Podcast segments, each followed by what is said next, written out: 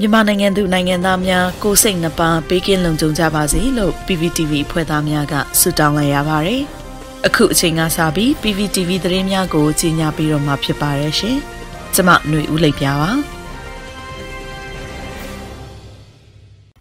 အခုပထမဆုံးအနေနဲ့အင်းစိန်ထောင်အတွင်းဖြစ်ပွားခဲ့တဲ့ဆန္ဒပြမှုနဲ့ပတ်သက်ပြီးမြန်မာနိုင်ငံအခြေစိုက်တန်ယုံတွေကပူးပေါင်းလက်မှတ်ရေးထိုးပြီးကြေညာချက်တရက်ထုတ်ပြန်ခဲ့တဲ့သတင်းကိုတင်ဆက်ပေးမှာဖြစ်ပါတယ်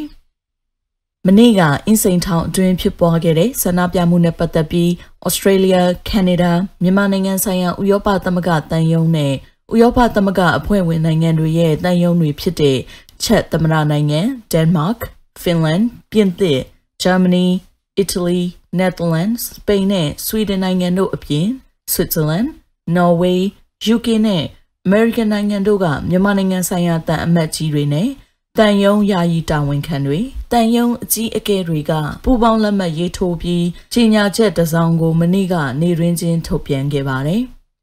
အဆိုပါကြီးညာချက်မှာထောင်အတွင်းလက်ရှိဖြစ်ပွားနေတဲ့ COVID-19 ရောဂါကူးစက်ပြန့်ပွားမှုကို ကောင်းမွန်စွာကင်တွယ်ထိန်းချုပ်နိုင်ခြင်းမရှိတာကြောင့်ရန်ကုန်အင်းစိန်ထောင်အတွင်းဖမ်းဆီးထိန်းသိမ်းခံနေရသူများကဆန္ဒပြမှုတရက်ဖြစ်ပွားခဲ့တာကိုမိမိတို့သိရှိရကြောင်းအခြေအနေကိုငြိမ်ငြိမ်ချမ်းချမ်းဖြေရှင်းရန်ရင်းထောင်နှင့်အခြားထောင်တွေအတွင်းမှာရှိတဲ့ဖမ်းဆီးထိန်းသိမ်းခံထားရသူအလုံးအတွက်ကောင်းမွန်တဲ့ကျန်းမာရေးစောင့်ရှောက်မှုနီလန်တကြရရှိစေရန်နဲ့အခြေခံလူအခွင့်အရေးများကိုလေးစားလိုက်နာရန်သက်ဆိုင်ရာအာဏာပိုင်များကိုမိမိတို့တိုက်တွန်းကြောင်း ဆက်လက်ဖြစ်ပေါ်ပြောင်းလဲနေတဲ့အခြေအနေကိုမိမိတို့အနီးကပ်စောင့်ကြည့်နေကြောင်းစကားတွေထည့်သွင်းရေးသားထားတာကို တွေ့ရပါတယ်။အမျိုးသားညီညွတ်ရေးအစိုးရနိုင်ငံသားရေးဝန်ကြီးဌာနကလည်းထောင်တွင်းဆန္ဒထုတ်ဖော်မှုဖြစ်ပွားခဲ့တာနဲ့ပတ်သက်လို့အပြည်ပြည်ဆိုင်ရာချက်ချင်းနီကော်မတီ ICRC ထံကိုပေးစာတစ်စောင်နေချင်းပေးပို့ခဲ့ပြီးကျန်းမာရေးစောင့်ရှောက်မှုကောင်းမွန်စွာမရရှိတဲ့လူအခွင့်အရေးချိုးဖောက်ခံနေရတဲ့အကျဉ်းသားတွေရဲ့အခွင့်အရေးကိုကာကွယ်ဖို့ ထောင်တွေထဲကိုချက်ချင်းဝင်ရောက်ခါကုညီဆောင်ရွက်ပေးရေးတိုက်တွန်းခဲ့တာကိုလည်းတွေ့ရပါတယ်။ယခုလက်ရှိအချိန်မှာတော့ထောင်တွင်းဆန္ဒထုတ်ဖော်မှုကိုအကျဉ်းအောင်အာဏာပိုင်များသာမကအကြမ်းဖက်စစ်တပ်ကပါဝင်ရောက်ကင်တွယ်နေပြီးရိုက်နှက်ခံရလို့တေဆုံးမှုတွေရှိနေသလိုဥဆောင်သူများကိုလည်းတိုက်ပိတ်ထားတယ်ဆိုတဲ့သတင်းတွေထွက်နေတာဖြစ်ပါတယ်ရှင်။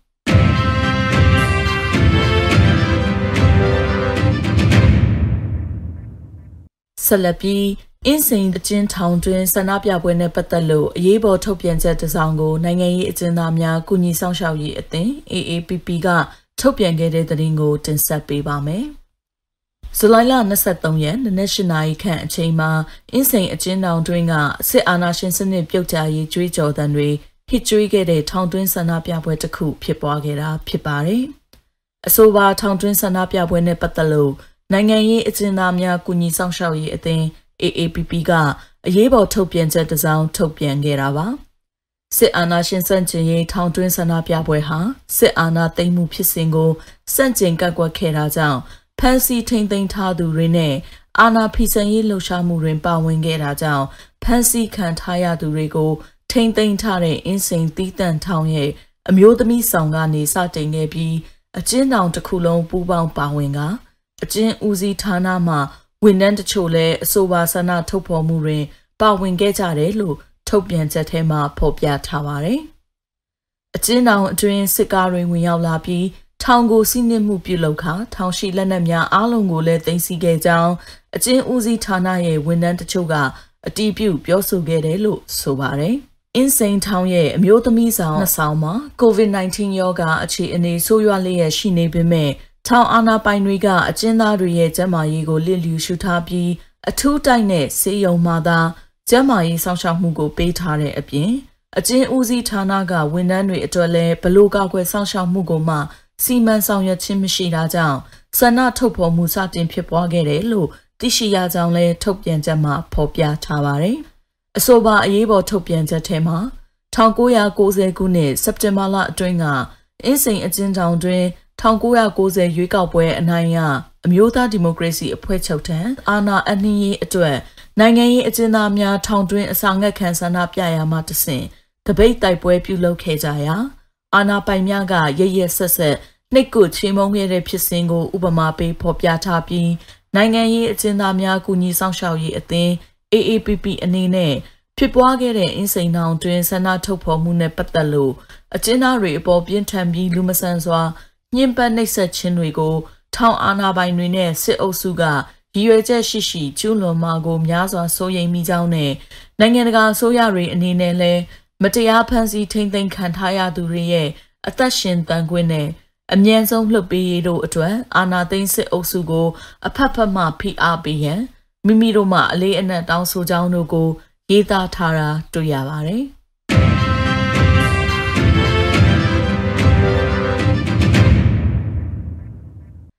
ပြည်ပြည်ဆိုင်ရာကြက်ချီနီကော်မတီ ICRC က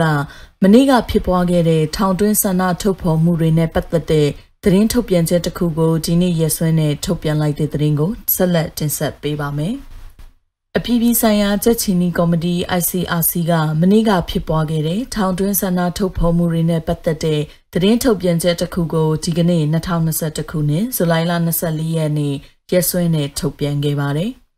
မြန်မာနိုင်ငံရှိအကျဉ်းထောင်များတွင်လက်ရှိဖြစ်ပွားနေသောအခြေအနေများနှင့်ဆက်လျင်း၍လက်တလောထုတ်ပြန်ခဲ့သည့်သတင်းအချက်အလက်များကို ICRC ကအနိကလေးလာစောင့်ကြည့်ချက်ရှိကြောင်းအကျဉ်းထောင်များအပါအဝင်မြန်မာနိုင်ငံတွင် COVID-19 ရောဂါကြောင့်ထိခိုက်ခံစားရမှုများမြင့်တက်လာမှုအပေါ် ICRC ကအလွန်အမင်းစိုးရိမ်ပူပန်လျက်ရှိကြောင်းအင်းစိန်အကျဉ်းထောင်အပါအဝင်အကျဉ်းထောင်များတွင်လူသားချင်းစာနာထောက်ထားမှုတတ်တတာဖြစ်သည့် တွားရောက်လေ့လာမှုနဲ့လုပ်ငန်းများပြန်လည်လှုပ်ဆောင်နိုင်ရန်အကျဉ်းထောင်တာဝန်ရှိများနှင့်ဆက်လက်ဆွေးနွေးလျက်ရှိကြောင်းအကျဉ်းချထားရာနေရာများတွင် COVID-19 ရောဂါနှင့်အထွေထွေကျန်းမာရေးဆိုင်ရာအကူအညီများထောက်ပံ့ပေးအပ်နိုင်ရေးအတွက် ICRC ကကမ်းလှမ်းကြောင်းကိုထပ်လောင်းပြောကြားလိုကြောင်းတို့ကို အဆိုပါသတင်းထုတ်ပြန်ချက်မှာအလေးပေးရေးသားထားတာတွေ့ရပါတယ်။အပြည်ပြည်ဆိုင်ရာချက်ချင်းနီကော်မတီ ICRC ရဲ့ တခုတည်းသောလူသားချင်းစာနာထောက်ထားသည့်လုပ်ငန်းတာဝန်ဟာ